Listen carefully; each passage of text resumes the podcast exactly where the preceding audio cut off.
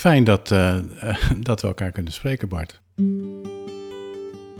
Je luistert naar de vierde aflevering van de serie De Zeven Vragen. Ligt niet helemaal voor de hand dat we elkaar spreken, want ja, je bent hier een beetje opgesloten. soort van in Nederland, maar normaal gesproken wonend in Australië. In de serie spreek ik met zeven verschillende mensen over de zeven vragen. Ja, dat klopt. Ja, ik, ik, eh, ik had ook helemaal niet verwacht dat ik hier zou zijn. Vragen die beginnen met de geboorte en doorgaan tot de dood. En alles dat ertussen bevraagd kan worden. Mijn naam is Ron van Nes en ik maak deze serie samen met Raf Stevens, die ook nu weer de montage doet. Dus we zijn maar blijven hangen, Ja. zou ik maar zeggen. Ja, maar jouw spoor begint in Nederland. Ik ben wel hier geboren. Ja. Ik ben in Amsterdam geboren. Ehm, en voor een deel opgegroeid in Harderwijk. Dus Mhm. niet zo heel ver hier vandaan. We zitten nu in Putten. Ehm, maar ik ben in 1998 voor het eerst naar Australië gegaan. En in 1999 besloten dat ik daar wilde blijven. Oké, En sinds die tijd woon ik dus in Australië. Ben ook Australiër geworden. ja. Ja. In een reactie op de vorige aflevering, waar Bart Papegaai ook te horen was, schreef hij later: Ik hoorde mijzelf zeggen dat ik nog steeds zoekende ben. Dat is eigenlijk niet meer waar. Toen ik in Nederland vast kwam te zitten afgelopen maart, ben ik gaan nadenken over wat ik nog wilde. En ben langzamerhand tot de conclusie gekomen dat ik lang genoeg gezocht heb. Dus ben ik daar na het interview met Ron definitief mee gestopt. Ik zoek niets meer, maar vind des te meer.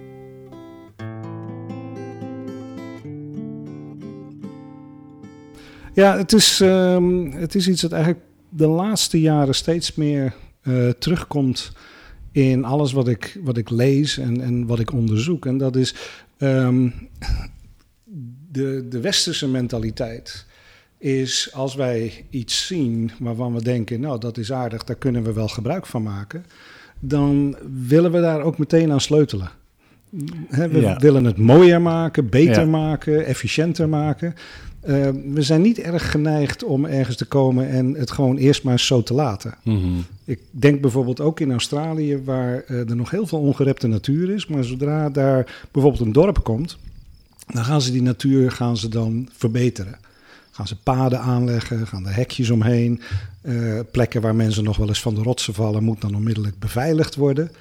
En het nadeel daarvan is dat je dan op die manier, heb ik ervaren, niet echt waardeert wat er was voordat je eraan ging sleutelen. En dus kwam ook in contact met Aborigines. En um, als je de verhalen leest en ook de verhalen hoort die die mensen vertellen, um, hun hele houding was: um, dit is de wereld zoals die geschapen is door onze voorouders. En die wereld is goed. En onze taak is om hem goed te houden. Niet beter te maken, maar te zorgen dat hij niet slechter wordt. We mogen hem niet stuk maken, we mogen hem niet uitputten. En als er manieren zijn om in harmonie uh, dingen te veranderen, dan moet dat wel binnen de regels van die wereld, niet onze regels. Nou, en dat heeft echt wel, uh, denk ik, mijn hele denken veranderd ook over verbeter de wereld, begin bij jezelf. Misschien niet. Misschien moeten we eerst de wereld waarderen.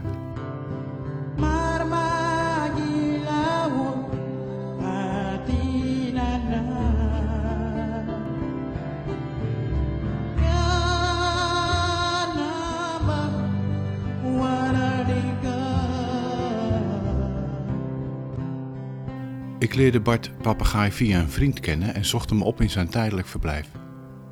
In afwachting van alle coronamaatregelen moesten hij en zijn vrouw hier veel langer in Nederland blijven. Ik wilde hem graag spreken over de vraag over sporen. Want er zijn zoveel verhalen over op reis gaan in het leven.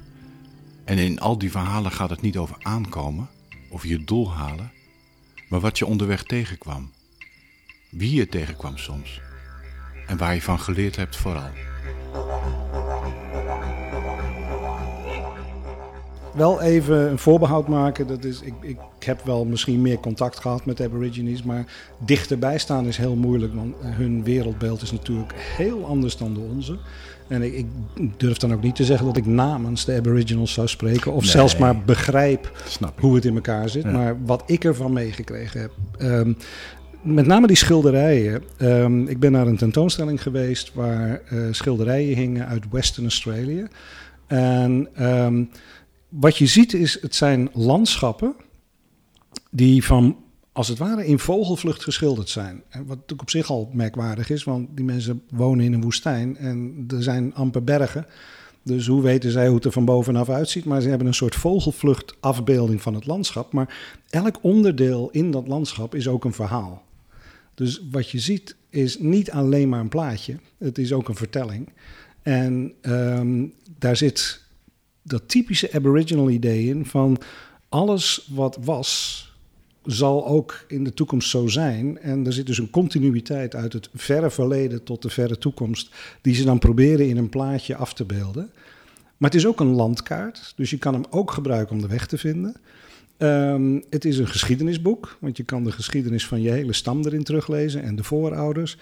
Um, het is vaak ook een morele vertelling. Er zit vaak verborgen ook nog een verhaal in over bijvoorbeeld uh, overtredingen die je niet moet begaan en stamregels waar je je aan moet houden. En dat zit allemaal in die stipjes. Dus het is, het is veel complexer dan je op eerste gezicht zou denken. En uh, ik kwam bijvoorbeeld een verhaal tegen over een, uh, een bron. Nou, daar kan je een heel boek over schrijven, over, die, over dat ene schilderij. Dat, dat, ja, dat heeft me toen zo geraakt, ook omdat we het vaak primitieve kunst noemen. Ja, ik weet niet uh, wat daar zo primitief aan is. Hoor. Het verhaal van hen in die schilderijen en het zien daarvan heeft, ja, wat doet het dan bij jou? Waar, waar heeft het jou gebracht? Ja, nou, ik heb er een aantal dingen uitgehaald. Eén ding wat me, wat me trof daaraan is dus een heel diep besef van uh, het, het horen bij het landschap. Uh, voor uh, indigenous mensen is hun hele identiteit is verweven met het landschap. En wat, je, wat het dan ook geeft, is dus een, een gevoel van thuis zijn in die natuur. Ik, ik heb wel eens met een, een, een elder meegelopen. En dan heeft elke rots heeft een geschiedenis en is dus een, een voorouder waar je een persoonlijk contact mee hebt. Elk paadje, maar ook elke boom en, en elke struik kan je in feite zien als een familielid. En als je je zo verbonden voelt met het landschap, ja, dan ga je er ook voorzichtig mee om. Dan, dan ga je dat niet stuk maken. Dat, dat is één kant. En de andere kant is de continuïteit ook van de geschiedenis. Van, um, je kijkt naar de geschiedenis als, uh, bijna als, als, als het nu. We, we, leven in die geschiedenis. Dus alles wat je doet heeft, heeft een, uh, een, een, ja, een kader. En de zingeving bestaat eruit van, uh, jij, jij zet die geschiedenis voort. En wat ik merkte als westerling is, ik heb eigenlijk geen geschiedenis. Klinkt heel raar, maar ik ben opgegroeid in een naoorlogse samenleving waar we alleen maar vooruit wilden. Er werd niet teruggekeken. Uh, tradities, ja, die schaften we het liefst zo snel mogelijk af. Um, nou, ik ben dan niet religieus opgevoed, maar zelfs de religie werd, ja, werd eigenlijk verbannen. Nou ja, dat doe je misschien één keer op, zondag en voor de rest heb je het er niet over. En uh, de diepe geschiedenis. Wie weet nog hoe Nederlanders leefden voordat de Romeinen kwamen, bijvoorbeeld? Uh, wat is onze tribal history? Dat is, dat is verloren gegaan. Uh, mensen voelen zich hier ook niet thuis in het landschap we moeten er eerst een parkje van maken en, uh, en, en uh, organiseren voordat we ons veilig voelen.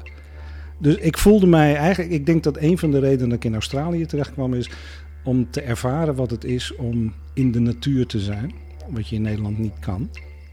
Maar wat ik ook voelde is hoe ontheemd wij eigenlijk zijn. En misschien is dat ook wel een reden waarom we zoveel stuk maken, want we voelen ons hier niet thuis, het is niet ons huis. Dat gevoel zijn we kwijtgeraakt.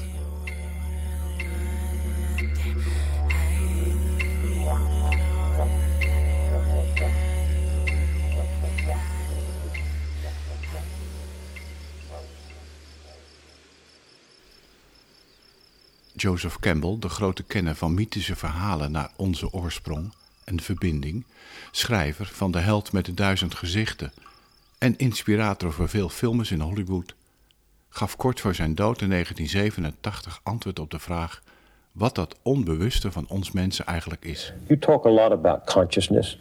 Yes. Most people hear that term and, like me, have only a veiled understanding of it. What is it? Gene and I are, are, are living in Hawaii, and uh, we're living right by the ocean, and we have a little lanai, a little porch, and uh, there's a coconut tree that grows up through that porch and it goes on up. And uh, there's a, a, a, kind of vine plant, a big powerful thing with leaves like this, that has grown up the coconut tree. Now that plant sends forth little uh, feelers to go out and, and clutch the plant. And it, it knows where the plant is and what to do, and where the tree is. And it, it grows up like this, and it opens a leaf, and that leaf immediately turns to where the sun is. Now, you can't tell me that leaf doesn't know where the sun is going to be. All of the leaves go just like that, what's called heliotropism, turning toward where the sun is. That's a form of consciousness.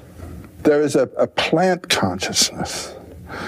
There is a animal consciousness.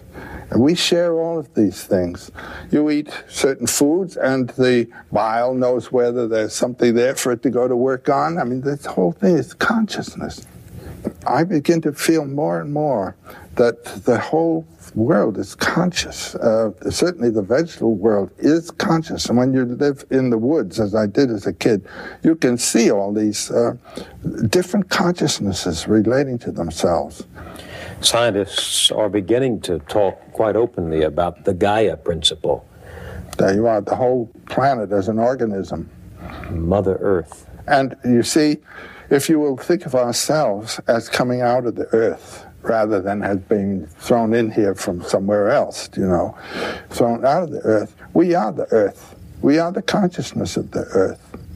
These are the eyes of the earth. And this is the voice of the earth. What else?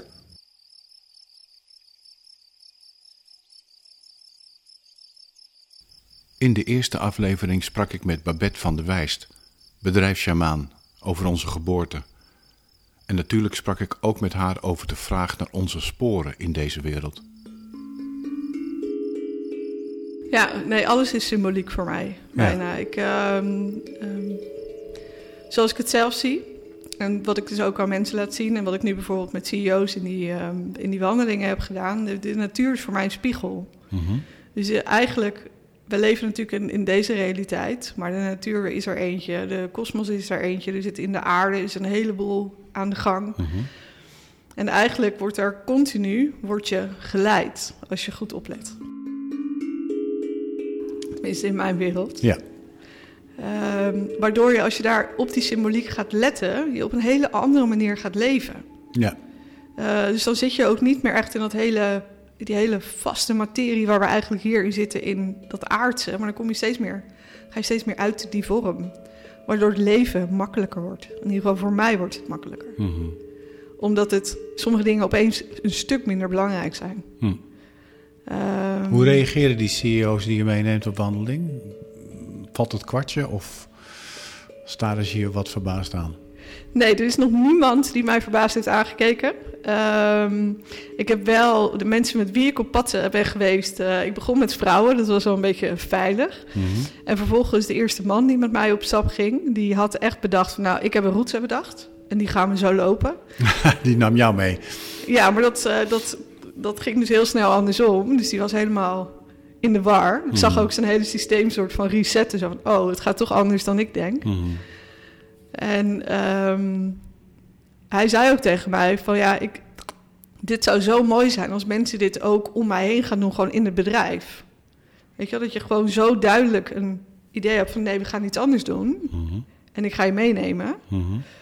Dat was voor hem een enorme ervaring. En we hebben vervolgens, uh, heb ik hem contact laten maken met een boom. We hebben daar ook een klein ritueel gedaan. Niet te uitgebreid, maar wel zodanig dat het... Uh, kijk, een boom is een heel makkelijk middel, want er zitten wortels aan, er zit een middenstuk aan. En er zitten natuurlijk takken aan. Het is een hele, voor mij een hele fijne metafoor om mee te werken. Mhm. Want je wil dat je wortels stevig in de grond staan.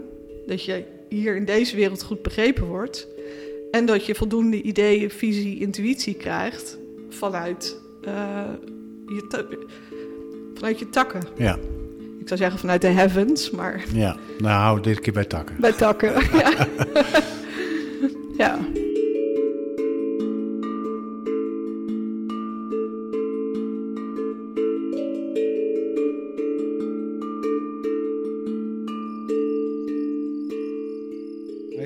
Ik, wil even nog een voorbeeld geven van een verhaal dat heel veel indruk op me gemaakt heeft. Vlakbij waar ik woon in, in, uh, in Brisbane, ten noorden van Brisbane, zijn de Glasshouse Mountains. Dat is een groepje van vulkaankernen die er nog staan.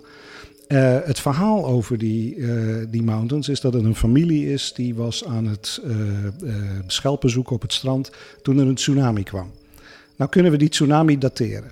En dat is ongeveer 25.000 jaar geleden werkelijk gebeurd. Dus als je het over diepte hebt, die mensen hebben verhalen van 25.000 jaar geleden, die worden nog verteld. Maar wat het ook vertelt is dat een van de zonen uh, die opdracht had om op zijn zwangere moeder te letten, die raakte in paniek en die rende vooruit. En daar is zijn vader zo kwaad over geworden dat hij hem een klap heeft gegeven, waardoor zijn nek is uh, krom geraakt. Dus die crooked neck wordt hij genoemd. Dus er zit ook een moreel verhaal in van je bent wel verantwoordelijk en als je dat niet doet, dan krijg je straf. Nou, wat dat doet met de mensen die daar wonen, is dat elke dag als ze naar die berg kijken, dan herinneren ze zich hun geschiedenis.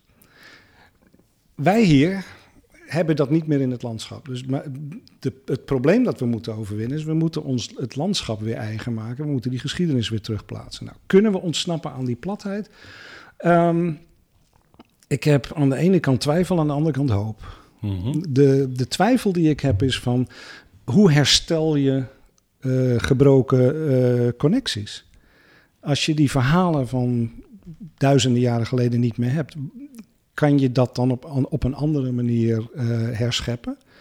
Um, dan in, ik, ik, begon een paar jaar geleden daar heel erg aan te twijfelen. Maar ik dacht, ja, als het weg is, is het weg. Dat krijg je niet meer terug. -hmm de hoop die ik heb is dat ik merk dat uh, er ook intuïtieve links zijn. Dat, dat niet alles in onze, uh, zeg maar in onze rationele verstand uh, zit, maar dat we ook naar binnen kunnen gaan en, en sporen kunnen terugvinden van hoe het vroeger was en, en waar we vandaan komen. Dus misschien kunnen we vooruit gaan door terug te gaan. Dat is één. Um, de andere reden dat het, ja, is het hoop? Of is het uh, zoals uh, Terry Eagleton zei, uh, hoop uit wanhoop geboren? Um, we moeten wel. Als er geen weg vooruit meer is, ja, dan, dan, dan kan je alleen maar op je schreden terugkeren en, of ten onder gaan. Ja. Dus soms in, in, in donkere buien denk ik wel eens van ja, nou misschien moesten we wel tot het randje van de afgrond gaan voordat we de moed hebben om terug te keren. Ja.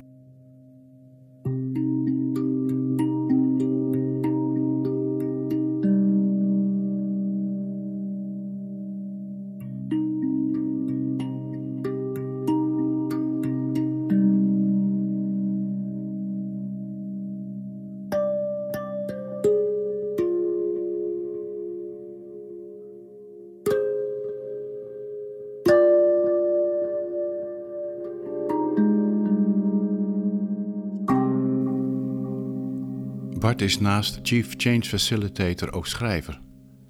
In zijn boek The River staat het verhaal dat Separating heet, en ik vertel je dat hier graag in mijn Nederlandse vertaling. Helderblauwe luchten boven een eindeloze oceaan, koesterend in het genadeloze licht van een gele zon. Terwijl het water opwarmt, stijgt het naar de oppervlakte om nog meer te worden opgewarmd. Er zit kracht in om deel uit te maken van een oceaan, comfort en het gevoel ergens bij te horen, thuis te zijn. En toch, aan de oppervlakte, direct blootgesteld aan het verblindende licht van de zon, verliest de donkere, rustgevende uitgestrektheid van de oceaan een deel van zijn aantrekkingskracht. En de lucht, even uitgestrekt, maar gevuld met licht en lichtheid, lijkt te roepen en belooft nieuwe ervaringen van een snellere en meer gevarieerde soort. Het vooruitzicht op een nieuw bestaan.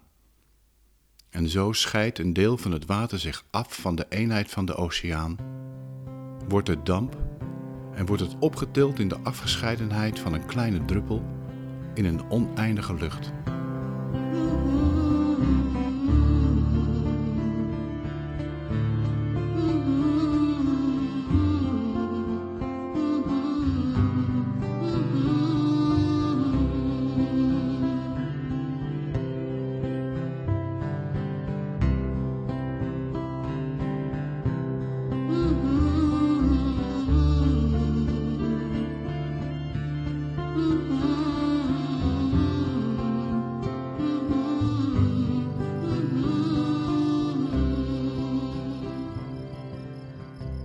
Volgens mij wordt ieder mens uh, geboren met een, een, een, hele diepe behoefte om ergens bij te horen.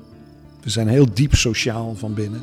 En die behoefte om ergens bij te horen is uh, aan de ene kant een positieve kracht, want dat, dat maakt ons uh, maakt, dat maakt dat we ons aanpassen, dat we uh, leren mee te doen met de tribe en dat, dat we dus ook heel flexibel daarin zijn. We kunnen van alles worden. Uh, en als je als Eskimo geboren wordt, word je heel snel word je een Eskimo. Maar datzelfde kind, als die meteen na de geboorte verplaatst wordt naar een woestijn, leert heel snel een woestijnbewoner te worden. Dus we zijn zo flexibel omdat we erbij willen horen. Maar dat erbij willen horen is ook heel sterk gekoppeld aan een, aan een, aan een misschien wel net zo sterke behoefte om dan ook bij te dragen. We willen niet alleen passief erbij horen, we willen actief erbij horen. Uh, en dat bijdragen uh, is vaak heel moeilijk. Dat wordt ons vaak heel onduidelijk gemaakt van wat is dan jouw bijdrage. Terwijl in tribal populations daar geen enkele twijfel over is iedereen heeft een bijdrage. En het is volkomen duidelijk wat hun bijdrage is. Daar zit dus wel een beperking aan. En dat is dat je bent daar dan ook verantwoordelijk voor. Dus erbij horen betekent dat je een hele diepe verantwoordelijkheid hebt voor de dingen die jij bijdraagt. Dat is niet voorwaardelijk of, of uh, vrijblijvend. En dat, dat mis ik in onze beschaving. Wij, wij hebben geen persoonlijke verantwoordelijkheid. We hebben het altijd over onze rechten, maar over onze verantwoordelijkheden wordt zelden gesproken. Dus om terug te keren naar dat tribal bewustzijn, moeten we die dingen volgens mij goed krijgen. Dat belonging, hoe creëer je iets waar mensen zich echt deel van voelen? En dat bijdragen gekoppeld aan persoonlijke verantwoordelijkheid. Hoe doen we dat? Hoe voel je je nou weer verantwoordelijk voor je medemens, voor de, de wereld om je heen?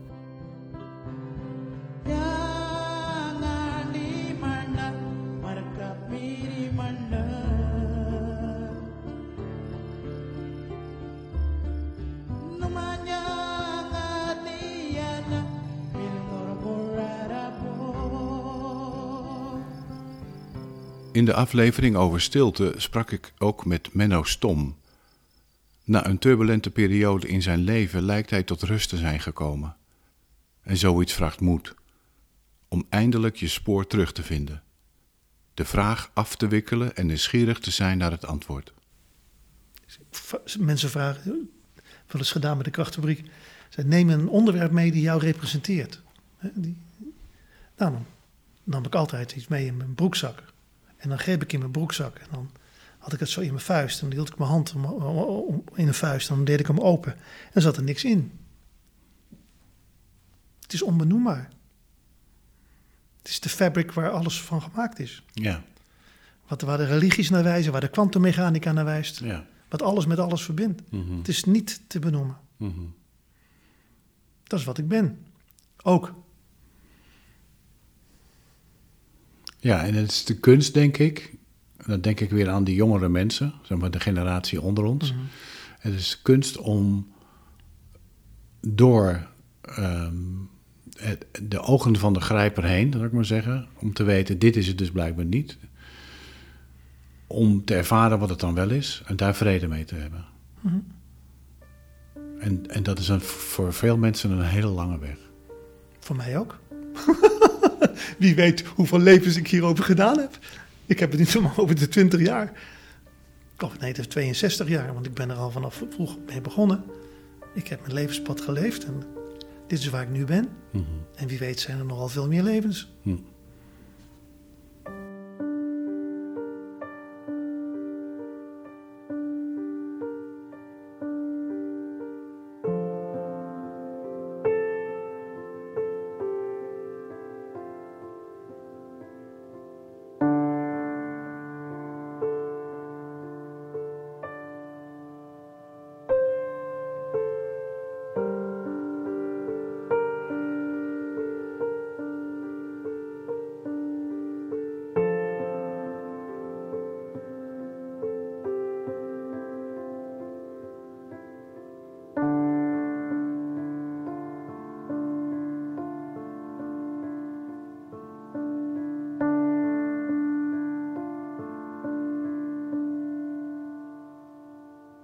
Sporen.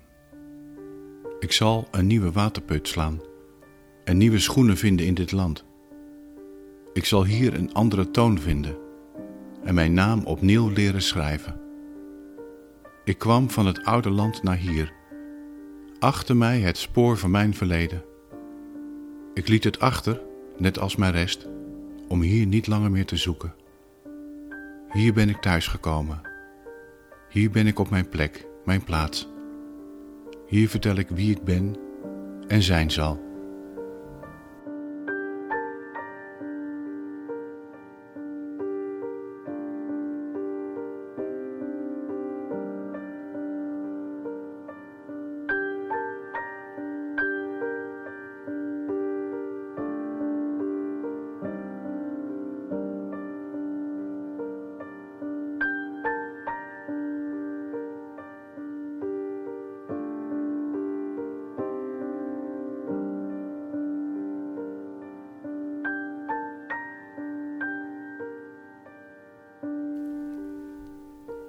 Met Mirjam Groenendijk sprak ik in aflevering 3 over blijdschap.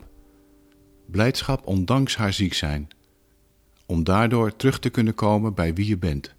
Thuiskomen. Ik ben een verhalenverteller en dat werd mij in het verleden nog wel eens voor de voeten geworpen van ja, maar uh, jij bent een verhalenverteller. En, uh, en nu vind ik dat een geuzennaam. Want dan denk ik, ja, ik ben een verhalenverteller, ja. Zo geef ik betekenis. Ik lees ook in jouw boek Ertoe doen, logos. Hè? Ja. Het is ook betekenis. Ja. En ja, ergens betekenis aan geven door verhalen. Ja. En uh, je vertelde dat jij uh, uh, regisseur bent geweest of ja. films hebt gemaakt. Dan vertel je ook een verhaal. Ja. Waar je wat betekenis heeft. En, ehm, en ik wil inderdaad graag. En dan ja, wat je ook vertelt over het spoor, ik wil echt van betekenis zijn. Daar zit echt jouw verlangen. Ja. Nou, je kunt bijna ja. niet anders meer, denk nee. ik. Nee, nee. Nee. Wat gebeurt er nu bij je? Dankbaarheid. Ja, dat het, wat ik net al zei, uh, het leven echt geniaal in elkaar zit. Dat het er niet, niet om gaat wat je overkomt. Maar dat het je misschien juist wel sterkt.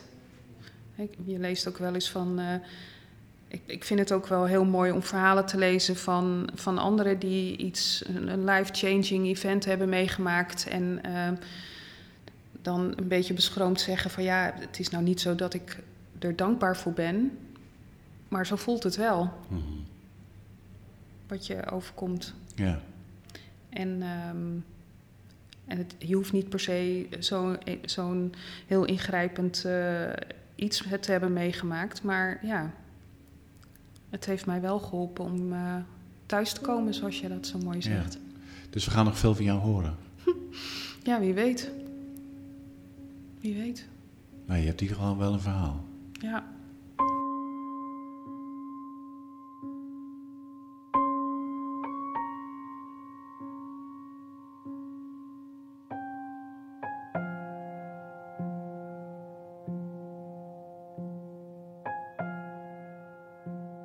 Als ik goed naar jou luister, zeg je, uh, we kunnen wel willen veranderen. En, en we zitten nu in een ingewikkelde tijd. En mhm. iedereen zegt, ja, dit is nu het moment om te veranderen. Ja. Uh, maar we kunnen niet veranderen zonder te weten wie we zijn. Correct. Dat, dat is, vind ik een hele goede manier van, van zeggen van... we zullen eerst uh, onszelf terug moeten vinden. En ja, dan weet ik niet eens of veranderen dan het goede woord is. We moeten dan van, vanuit het weer weten wie we zijn, moeten we gaan leven in harmonie met wie we zijn. En ja, dan verandert er van alles, maar wij zijn niet de, de, hoe zeg je dat, de agent van die verandering. Wij zijn de dienaar van die verandering. Dus het, het, is, het is echt zo van wij gaan niet naar buiten om de boel aan te pakken. We gaan naar binnen om te kijken hoe wij de boel kunnen dienen. En met de boel bedoel ik dan de natuurlijke de harmonische uh, samenleving. Ja, en, en, en met naar binnen gaan, is dat individueel, dus persoonlijk? Of zeg je, we zouden ook weer een tribe moeten vinden? Ik denk dat het, het vinden van een tribe op zich heel belangrijk is. We zijn, denk ik, van nature zijn wij een, een, een tribal uh, soort. Ehm, dus je, je moet het individueel doen uh, om zeg maar de rust en de, en de, de harmonie in jezelf te vinden. Collectief uh, is heel belangrijk om dat in het collectief ontstaan die verhalen. En als die verhalen eenmaal beginnen te vormen, dan, dan geeft dat uh, vorm aan, aan hoe je met elkaar omgaat. ik heb dat zelfs in bedrijven gezien. Weet je, we vormen collectieve verhalen. wat ik ook heb ervaren is hoe belangrijk rituelen zijn, ceremonies. En die hoeven niet eens ergens om te gaan. Want het, het gaat niet zozeer om, om het verhaal van de ceremonie, maar de ervaring ervan. Dat je met z'n allen iets beleeft dat uh, jou overstijgt. We zullen ons spoor terug moeten vinden. De psycholoog James Hillman heeft ooit geschreven dat we in essentie al zijn. En dat we dat weer kunnen ontdekken. De simpele eikel die je in je handen hebt en in de grond steekt, is in essentie al die enorme eikenboom. Vroeg of laat lijkt het of iets ons oproept een specifiek pad in te slaan. We kunnen ons dat iets herinneren als een kortstondig signaal, een fascinerende impuls vanuit het niets, een bepaalde omslag van de gebeurtenis. Ons trof het als een aankondiging. Dit is wat ik moet doen. Dit is wat ik moet hebben. Dit is degene die ik ben.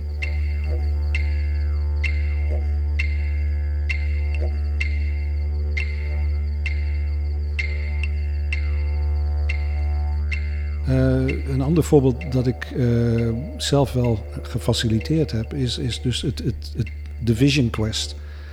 Uh, dus het idee van ga nou eerst eens gewoon zitten en denk nou eens alle beperkingen weg. Uh, vergeet wat je allemaal gedaan hebt. Als je nu helemaal met een schone lei mocht beginnen en de wereld zou zich precies zo gedragen als je zou willen, wat zou je dan eigenlijk willen neerzetten?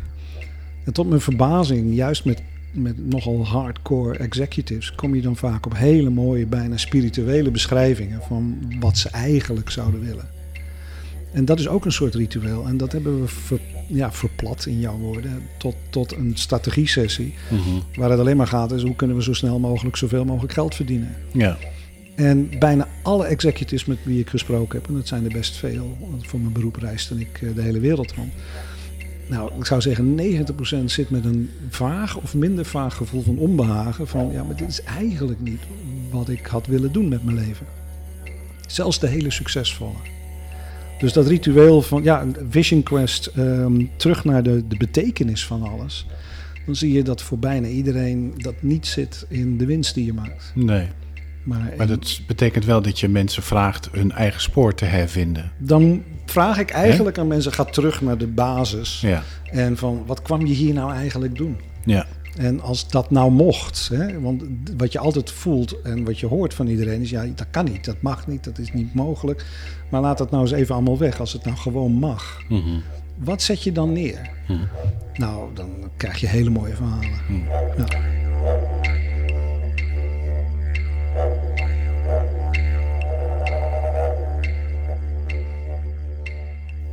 Tussen verleden, heden en toekomst ligt een lijn.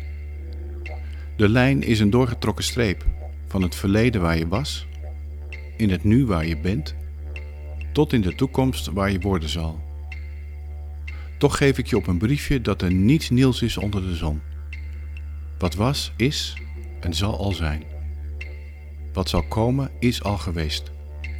En wat is, was er al eerder en zal er ook weer zijn.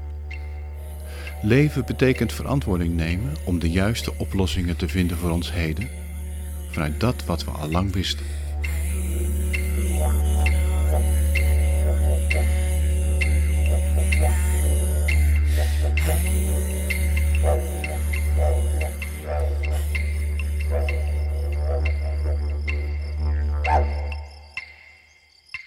Dat collectieve. Ja. Hè, dus hoe vinden we nou collectief de moed om te zeggen: dit is voldoende? ja, dit is genoeg. Uh, uh, en daarmee eren wij de aarde Ja. en onze omgeving, de kinderen, alle mensen om ons heen. Dat heeft denk ik ook weer sterk te maken met dat tribe-gevoel. Waar horen wij bij? Ja, ja. En zoals jij vertelde, hoe ze de oorspronkelijke bewoners in, in Australië elkaar verhalen vertellen en ook Ja. waarschuwen. En een cultuur hebben gecreëerd. En wij leven in die platte cultuur nu op dit moment en zijn losgeraakt van welk verhaal dan ook. Dus dat zou betekenen dat we elkaar weer rond het kampvuur, bij wijze van spreken, moeten gaan ontmoeten. Ja, absoluut. We, we moeten elkaar gaan ontmoeten. En, en als je het dan hebt over die verhalen, dat is nog, nog iets wat, ik, wat me opviel, is dat er is een, een boek verschenen niet zo lang geleden, Sand Talk. Het is geschreven door een Aboriginal uh, professor. Die ook zegt van al die verhalen uh, laten zien dat de, de Aborigines zich ontzettend goed bewust waren van het gevaar van ontsporen. En dus elk verhaal heeft een morele component waarin laat zien, jongens, doe dat nou niet. We hebben het in het verleden geprobeerd en het ging helemaal fout. Dus de regels zijn er ook uh, om de toekomst te beschermen. En die regels hebben we niet. Dus die moeten we dan met z'n allen gaan creëren. Van wat zijn dan de spelregels waar we ons, gaan, ons aan gaan houden, zodat de toekomst beschermd is? Want we hebben alleen nog maar uh, ja, uh, een individuele kijk op de wereld. En we beschermen hooguit bezittingen en, en de, de individuele veiligheid. Maar wie beschermt de toekomst? Die moeten we bouwen. En dan moeten we om het kampvuur zitten, heb je gelijk. We moeten verhalen vertellen. Uh, en we moeten proberen terug te vinden wat er nog aan kennis uh, voorhanden is. En gedeeltelijk is die er nog wel buiten ons. Maar ik denk dat we voor een heel groot gedeelte die uh, van binnen moeten terugvinden. Nou, ben jij als verhalenverteller, uh, uh, leid jij ons naar de verhalen? Ik doe mijn best. Ik, ik denk eerder dat de verhalen mij leiden naar, die, naar die bron. Maar in, ja, en dat ik hoop dat, ik, dat anderen daar dan van kunnen meegenieten.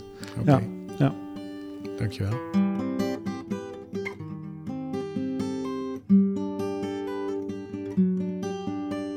Deze aflevering van de Zeven Vragen maakte ik samen met Raf Stevens, die de montage deed. Ik dank ook al mijn gasten voor hun openhartigheid. Ik heb genoten van mijn gesprekken met hen. Tot de volgende aflevering. Die zal gaan over de vraag of we iets moeten nalaten, bijvoorbeeld voor hen die na ons komen.